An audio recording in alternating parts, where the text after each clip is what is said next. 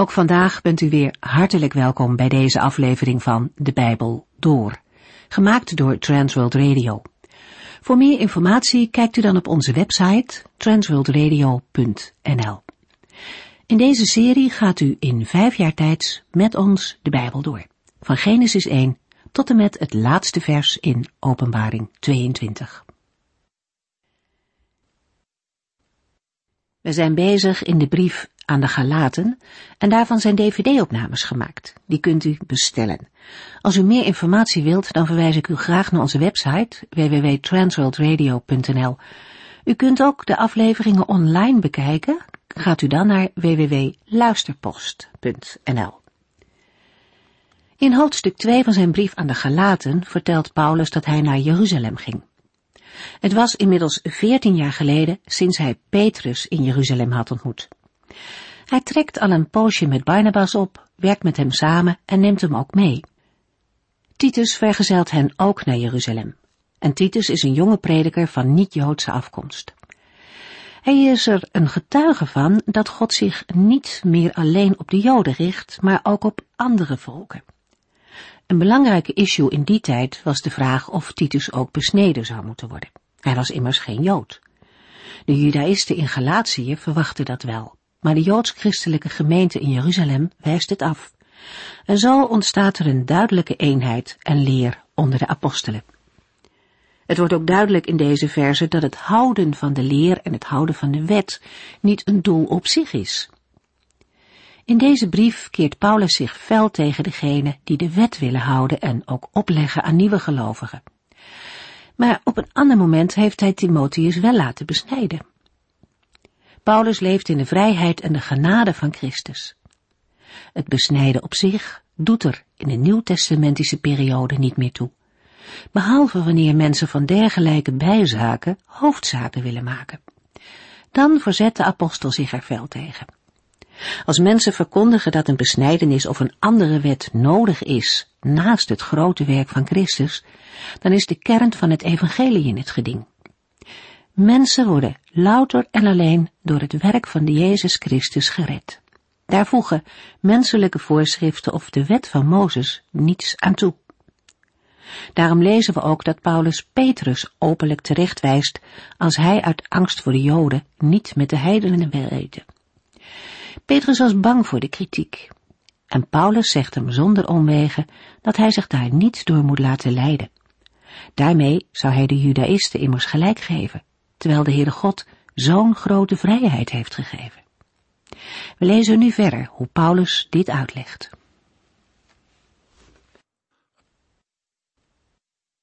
In de vorige uitzending hebben we in Galaten 2 vers 11 gelezen dat Paulus zich openlijk tegen Petrus moest verzetten, omdat er twee gemeenten dreigden te ontstaan.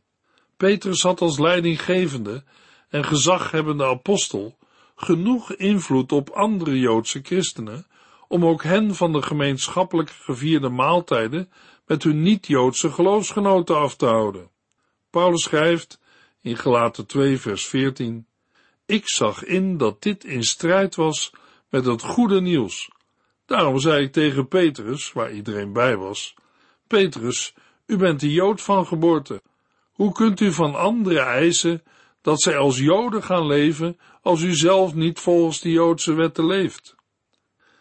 De reden voor de opstelling van Petrus was niet een ander inzicht over de fundamentele eenheid van de gemeente uit Joden en heidenen. Het was ook niet om aan een eis van de gemeente van Jeruzalem te voldoen. Petrus en de anderen waren bang dat de mannen uit Jeruzalem, die de besnijdenis zo belangrijk vonden, kritiek op hen zouden hebben. Paulus zegt in vers 13, de andere Joodse christenen en zelfs Barnabas deden mee met hun huichelarij. Ze deden zich anders voor, om de broeders uit Jeruzalem geen aanstoot te geven. We mogen veronderstellen dat het Joodse christenen gemakkelijk afging weer vast te houden aan de oude reinheidsvoorschriften. Die hadden zij een hele leven lang al onderhouden. Maar een van de consequenties van het evangelie was toch dat er geen onderscheid meer is tussen Jood en niet-Jood. Daarom moest Paulus zich tegen Petrus verzetten. wat op zich opmerkelijk is, omdat aan Petrus zelf is geopenbaard in Handelingen 10 dat er geen onderscheid meer is tussen rein en onrein, tussen Jood en heiden. Sinds die tijd eet Petrus ook gewoon met niet-Joodse geloofsgenoten. Maar als er een aantal Joden uit Jeruzalem op bezoek komen, staat de waarheid van geen onderscheid tussen Jood en niet-Jood onder druk. Petrus past zich aan, gaat weer vasthouden aan de oude reinheidsvoorschriften en gaat voortaan weer apart eten. Zo wordt de wereldvernieuwende kracht van het evangelie objectief en praktisch ontkend. Zo wordt de gemeente verdeeld en worden er opnieuw voorwaarden gesteld om er echt bij te mogen horen. Daarbij bevestigt de houding van Petrus de mening van de Joodse dwaalleraren. Ook de gelaten werden daarmee geconfronteerd. Deze dwaalleraren stelden dat er eerst aan een aantal Joodse voorschriften moest worden voldaan, voordat een niet-Jood het tot volwaardig christen kon brengen. Daarom noemt Paulus ook de terechtwijzing van Petrus. De terechtwijzing kan voor de gelaten dienen als voorbeeld, opdat zij zullen weten hoe zij moeten handelen. Daarom kan als vanzelf de weergave van de vermaning aan het adres van Petrus overgaan in een fundamentele uiteenzetting van de betekenis van het evangelie van Gods genade. Gelaten 2 vers 15. Wij zijn Joden van geboorte en geen mensen die de Joodse wet niet kennen. De versen 15 tot en met 21 kunnen we enerzijds opvatten als voortzetting van Paulus' verwijt aan Petrus, anderzijds heeft Paulus hier ook de situatie van de gelaten op het oog. In de genoemde versen wordt de kern van de zaak aangegeven. Daar gaat het om in het evangelie. Daarmee wordt fundamenteel zowel het gedrag van Petrus als de dwaalleer in de gemeente van de Galaten als een afwijking en een ontkrachting van de genade van God aangewezen. Het woordje wij in vers 15 ziet op Paulus, Petrus en alle Joodse christenen. Van huis uit weten zij zich als geboren Joden afgezonderd van de niet-Joden, die zonder de wet van God leven. Israël is zich bewust van haar uitverkiezing door de Heere en prijst God dagelijks voor de gave van de wet, de Torah, waardoor zij rechtvaardig voor de Heere kunnen leven. Maar de apostel Paulus zegt, sinds wij Christus als heiland hebben leren kennen, weten wij dat we door de wet niet tot God kunnen komen. Wij staan onder hetzelfde oordeel van God als de niet-Joden, de heidenen. Buiten Christus is er ook voor ons Joden, die ijveraars in de wet kunnen zijn, de enige conclusie dat ook wij zondaars zijn. Wat Paulus hier wil zeggen is precies hetzelfde als in Romeinen 3 vers 9 tot en met 12. Wil ik hiermee zeggen dat wij als Joden beter zijn dan de andere volken? Nee, absoluut niet. Ik heb al eerder gezegd dat alle mensen, Jood of niet-Jood, schuldig zijn. Ze worden alle beheerst door de zonde. Het staat zo in de boeken. Voor God is niemand rechtvaardig, werkelijk niemand. Er is niemand verstandig. Er is niemand die echt zijn best doet om God te vinden. Alle mensen hebben zich van God afgekeerd. Ze zijn met elkaar de verkeerde weg opgegaan. Niemand doet wat goed is, zelfs niet één. Gelaten 2 vers 16. Maar wij weten dat niemand door God als rechtvaardig beschouwd kan worden door zich aan de Joodse wetten te houden. Dat kan wel door in Jezus Christus te geloven. Ook wij konden door ons geloof in Christus Jezus met God in het reine komen en niet door de wet te houden. Het is uitgesloten dat iemand het met God in orde kan maken door de wet te gehoorzamen. Zo blijkt dat er geen rechtvaardigheid voor God kan zijn door het houden van de Joodse wetten. Een mens kan niet aan de hoge eisen van de wet van God voldoen. Dat ligt niet aan de wet, die op zichzelf goed is, maar aan de mens die een zondaar is en daarom de wet van God niet volkomen kan houden. Daarom wijst de wet een mens op zijn of haar zonde en vermeerdert die zonde zelfs. De enige manier waarop we van deze macht van de wet en van de zonde bevrijd kunnen worden, is door het geloof in Jezus Christus. Geloven is in vers 16 erkennen dat wij mensen ons voor God niet kunnen rechtvaardigen. En daarom moeten wij geloven in Jezus Christus. Hem heeft God voorgesteld als verzoeningsoffer. Zo wil de Heer alleen uit genade zondaren rechtvaardigen. Paulus wijst hierbij, net als in Romeinen 3 vers 10, op het Oude Testament. Het Oude Testament werd ook door de Joodse dwaalleraars als Gods woord en daarom als gezaghebbend aanvaard. Het is niet iets nieuws wat Paulus schrijft. Het staat al in Psalm 143 vers 2, want geen mens is in uw ogen rechtvaardig. Paulus vult alleen aan op welke manier dit naar de algemeen Joodse opvatting mogelijk zou zijn, namelijk door de wet te gehoorzamen en te houden. Tot driemaal toe horen we in vers 16 deze krachtige ontkenning, waarmee Paulus de kern aangeeft. De geloofsbeslissing valt bij de keuze leven van Gods genade of leven in zelfhandhaving tegenover God. Hoe kan een mens de juiste keuze maken? Ook als hij of zij zegt, ik ben niet met de dingen van het geloof de kerk opgegroeid, ik heb het niet van huis uit meegekregen. Het is zeker een zegen, als dat wel het geval mag zijn. Soms kan het ook wel eens in de weg staan. Dat was in het begin ook het geval bij de apostel Paulus, toen hij nog Saulus heette. Toch is hij tot geloof gekomen en is Christus gaan beleiden als zijn persoonlijke heiland en verlosser. Luisteraar, hoe zult u Jezus Christus vinden als niemand u de weg wijst? Jezus zegt in Johannes 16 vers 13 en 14, maar als de Heilige Geest komt, zal Hij jullie de weg wijzen naar de volledige waarheid. Wat Hij jullie zal zeggen, heeft Hij niet uit zichzelf, maar Hij geeft door wat Hij hoort. En Hij zal bekendmaken wat komen gaat. Door jullie te vertellen wat Hij van mij hoort, zal Hij mij verheerlijken. Luisteraar, ook als niemand u ooit de weg heeft gewezen naar de Heer Jezus, dan wijzen de woorden van de Heiland u de weg. In Johannes 16 wijst Jezus op de Heilige Geest. Bij Pinksteren is de Heilige Geest uitgestort. Die geest heeft de eerste christenen en ook de apostelen de weg gewezen naar de volledige waarheid.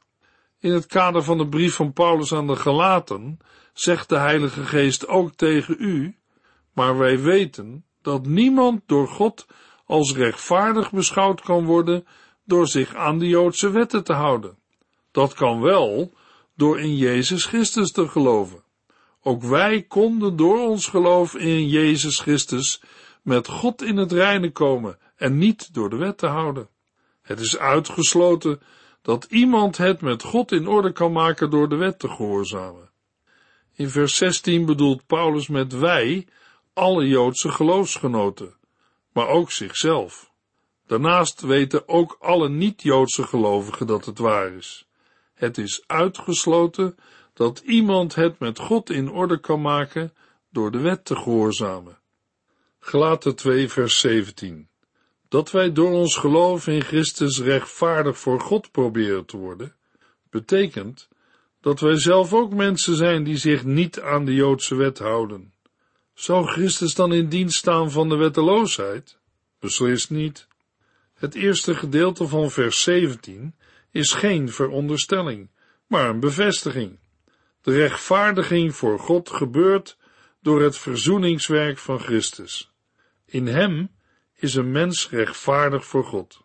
In Zijn vergoten bloed ligt de verzoening waaraan een gelovige langs de weg van het geloof deel krijgt, Jood of niet-Jood. Nu voert Paulus echter een verwijt in van Joodse zijde. Hij laat een tegenstander aan het woord zoals hij dat ook doet in Romeinen 6 vers 1 en 15. Als de zaken zo staan, dat Christus is gekomen om zondaren te rechtvaardigen, eist Christus dan niet van ons dat we eerst zondaren worden? En maak je hem dan niet in plaats van een dienaar van de gerechtigheid, een dienaar van de zonde? Kortom, worden mensen door deze leer niet in hun zonde bevestigd en gestimuleerd? Een soortgelijk verwijt hadden de Joodse schriftgeleerden toen ze zagen dat Jezus at met hoeren en tollenaars. Maar Jezus was juist op zoek naar mensen die hem zo hard nodig hadden. De Joodse leiders trokken daaruit een andere conclusie. Iemand die met zulke mensen omgaat, moest zich schamen. Maar het antwoord van Jezus is ontdekkend. Marcus 2, vers 17. Jezus hoorde het en zei tegen hen: Gezonde mensen hebben geen dokter nodig, maar zieke en zwakke mensen wel. Ik ben gekomen om zondaars uit te nodigen, niet degene die Gods wil al doen. Jezus wijst hun verwijt af. Ook in Gelaten 2 wijst Paulus het verwijt van de Joodse tegenstanders ten stelligste van de hand. Hij schrijft, beslist niet. Daarna geeft Paulus de tegenstanders op twee manieren antwoord. In vers 18 en in vers 19. Gelaten 2 vers 18 en 19. Nee, als ik de wet die ik eerst heb afgeschaft weer in werking stel, dan maak ik mezelf weer tot zondaar. Door die wet zelf leef ik nu niet meer voor de wet, maar voor God. Eerst geeft Paulus een negatieve bewijsvoering. Als een gelovige weer aan de wet een plaats geeft, zoals Petrus deed met zijn inconsequente gedrag, en zoals de dwaalleraars het van de gelaten eisen, dan maken we daarmee Christus niet tot een betere dienaar van de gerechtigheid, zoals de tegenwerping veronderstelt. Nee, juist dan wordt hij tot dienaar van de zonde gemaakt. Want de zonde zit zo diep, dat zelfs als ik tot geloof gekomen ben, die zonde weer tot uiting komt. Het bevrijdende van het evangelie is dat ik niet meer onder de macht van de wet sta. Daar moeten we ons dan ook niet weer onder terugplaatsen, want dan zal met de macht van de wet de zonde ook weer evenveel macht over ons krijgen. Wie principieel de macht van de wet een plaats geeft, als voorwaarde voor het ontvangen van Gods heil, stelt daarmee Gods genade buiten werking en de wijze waarop God zijn rechtvaardigheid heeft geopenbaard in Christus. Hier is het of Gods genade of de wet. En omdat de wet de zonde aanwijst en openbaart, zal degene die weer wetseisen invoert, niet de beoogde rechtvaardigheid bereiken, maar zal juist te meer blijken zondaar te zijn. Zo iemand plaatst zich buiten Christus. De positieve reden waarom Christus geen dienaar van de zonde is, als hij zondaren rechtvaardigt, is dat het doel ervan niet is dat we in de zonde blijven, maar dat we voor God leven. De enige wijze waarop dit leven er kan komen, is niet door het naleven van de wet, maar doordat mijn relatie met de wet fundamenteel veranderd is, zegt Paulus. Ik ben voor haar gestorven. Paulus bestaat niet meer voor de wet, hij is dood. Hij is dood voor haar die hem gevangen hield. Voor de wet is Paulus gestorven, om nu voor de Here te leven. En hoe is dat gekomen? De Heer heeft de wet gebruikt om Paulus ervan te overtuigen dat hij een zondaar is. Want de wet spreekt de vloek uit over wie zich niet volledig aan de wet houdt. Het is deze vloek die Christus aan het kruis op zich heeft genomen. En het is door het geloof in Christus dat wij deel krijgen aan het leven dat Hij door zijn dood verwierf. Wij sterven met Hem om met Hem weer op te staan in een nieuw leven. Zo worden wij door wat Christus heeft gedaan, uit het machtsbereik van de wet overgezet in het leven voor God. God spreekt de zondaar vrij, die in Christus is, en rechtvaardigt de mens die zijn of haar vertrouwen stelt in Jezus Christus. Het Griekse woord voor rechtvaardigen betekent rechtvaardig maken, of als rechtvaardig erkennen, of rechtvaardig verklaren of noemen. Soms wordt het werkwoord dat afgeleid is van het bijvoeglijk naamwoord rechtvaardig gebruikt met God als onderwerp, om aan te geven dat de Heere de mensen zodanig verandert, dat ze ook werkelijk rechtvaardig zijn geworden. De vertaling rechtvaardige kan suggereren dat de mensen alleen rechtvaardig gerekend worden. Maar als God mensen rechtvaardigt, houdt dat in dat de oude mens, de zondige natuur, met Christus is gekruisigd. In Romeinen 6, vers 6 en 7 lezen we, we weten dat de persoon die wij vroeger waren, niet meer leeft. Die is met Christus aan het kruis gestorven. Zo is afgerekend met het wezenlijke van de zonde. De zonde heeft niets meer over ons te zeggen. De zonde heeft geen macht over een dode. Deze betekenis van rechtvaardigen vinden we op de meeste plaatsen in de brieven van Paulus. We vinden het ook in het Lucas-evangelie en in Handelingen. Als de Heere een mens als rechtvaardig beschouwt, dan houdt dat in dat die mens is vrijgesproken. Ten slotte komt het woord ook voor als mensen zich over elkaar of over zichzelf uiten, in de zin van rechtvaardig verklaren, rechtvaardig noemen, gelijk geven, en ook als er over God of zijn wijsheid wordt gesproken. Zowel de Joden als de niet-Joden konden niet door de wet worden gerechtvaardigd. Dezelfde waarheid verwoordt Petrus in Handelingen 15 vers 10 en 11. Wel, waarom wilt u het beter weten dan God? Door deze nieuwe christenen een juk op de schouders te leggen, dat voor ons en onze voorouders al te zwaar was. Wij geloven immers op dezelfde wijze als zij gered te worden door de genade van de Heer Jezus. Treffend staat er in Handelingen 15 vers 12, toen werd het stil in de bijeenkomst. Iedereen ging ervoor zitten om te luisteren naar wat Paulus en Barnabas te zeggen hadden. God had door deze twee mannen geweldige dingen en grote wonderen onder de vreemde volken gedaan. Petrus en Paulus waren het over de rechtvaardiging door het geloof in Christus roerend met elkaar eens. Paulus zegt, nee, als ik de wet die ik eerst heb afgeschaft weer in werking stel, dan maak ik mezelf weer tot zondaar. Door die wet zelf leef ik nu niet meer voor de wet, maar voor God. Alleen Christus kan u, jou en mij leven geven. Gelaten 2 vers 19 en 20. Ik ben samen met Christus aan het kruis gestorven. Daarom leef ik zelf niet meer, maar Christus leeft in mij. Zolang ik nog in dit lichaam ben, leef ik door het geloof in de Zoon van God. Hij hield zoveel van mij, dat hij zijn leven voor mij heeft gegeven. De positieve reden waarom Christus geen dienaar van de zonde is, als hij zondaren rechtvaardigt, is dat het doel ervan niet is dat een mens in de zonde blijft, maar Christus zich door zijn of haar leven openbaart.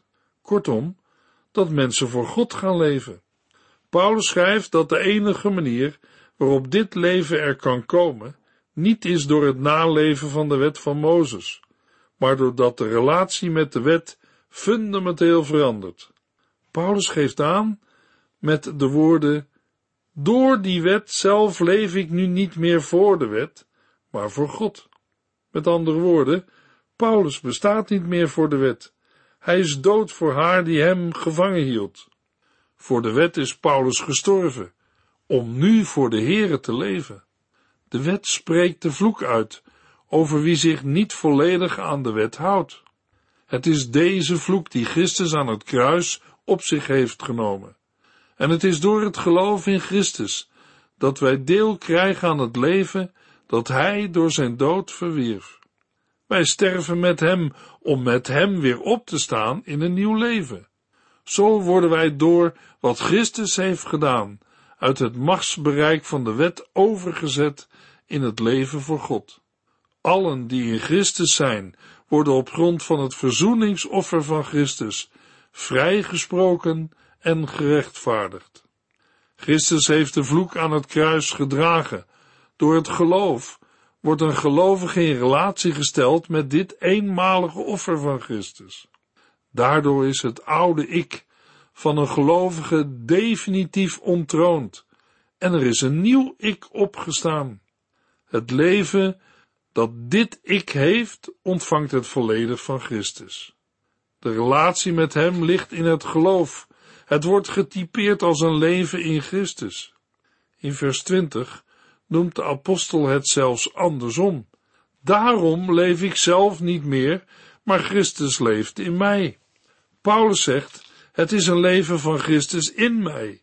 Het bestaan van de gelovige wordt niet door zijn eigen ik, maar door Christus bepaald. Door zijn kruisdood en opstanding is een nieuw leven tot stand gekomen. Voor gelovigen levert dat een spanning op.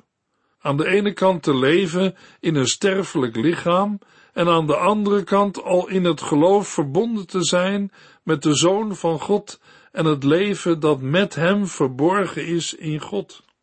Met persoonlijke woorden wijst de apostel Paulus op de liefde van Christus in zijn zelfovergave voor hem. Die zelfovergave van Christus is geen andere dan de liefde van God die zijn zoon heeft overgegeven voor ons mensen. Maar dient of bevordert Christus dan de zonde? Volstrekt niet. De rechtvaardiging in Christus heeft niet alleen de oude mens gedood, maar juist ook de nieuwe mens geschapen, zodat Christus in ons gestalte kan krijgen. Paulus bidt ook voor de gelovigen in Galatië. Hij schrijft in Galaten 4 vers 19, Zo sterk is mijn verlangen dat Christus in u zichtbaar wordt. Luisteraar, een mens kan het verzoeningsoffer van Christus naast zich neerleggen en negeren. U kunt zich afkeren van de dienst van God en van alles wat u van huis uit hebt meegekregen. U zou zelfs een tegenstander van het christelijk geloof kunnen zijn, zoals Paulus vroeger was. Toch wil de Heer Jezus dat u weet dat Hij zijn leven ook voor u aan het kruis heeft gegeven. Vlak voor zijn kruisiging bad de heiland voor zijn vijanden. Vader, vergeef deze mensen. Zij weten niet wat ze doen. Vijandschap van mensen heeft hem er niet van weerhouden zijn leven ook voor u op te offeren. Namens hem mag ik tegen u zeggen, God heeft u lief. In de volgende uitzending lezen we gelaten 2 vers 20 tot en met 3 vers 5. U heeft geluisterd naar De Bijbel Door, in het Nederlands vertaald en bewerkt door Transworld Radio. Een programma waarin we in vijf jaar tijd de hele Bijbel doorgaan. Als u wilt reageren op deze uitzending of u heeft vragen, dan kunt u contact met ons opnemen. Tijdens kantooruren kunt u bellen op 0342 47 8432. 0342 47 8432. Ook kunt u een e-mail sturen naar de Bijbel door transworldradio.nl en natuurlijk kunt u ook via de post ons bereiken. TWR, postbus 371, postcode 3770, AJ in Barneveld. Dit programma werd gepresenteerd door Cor Weda en Ike André. Techniek was in handen van Odin van Voerkom. En wij allemaal bedanken u voor het luisteren. Graag tot de volgende keer.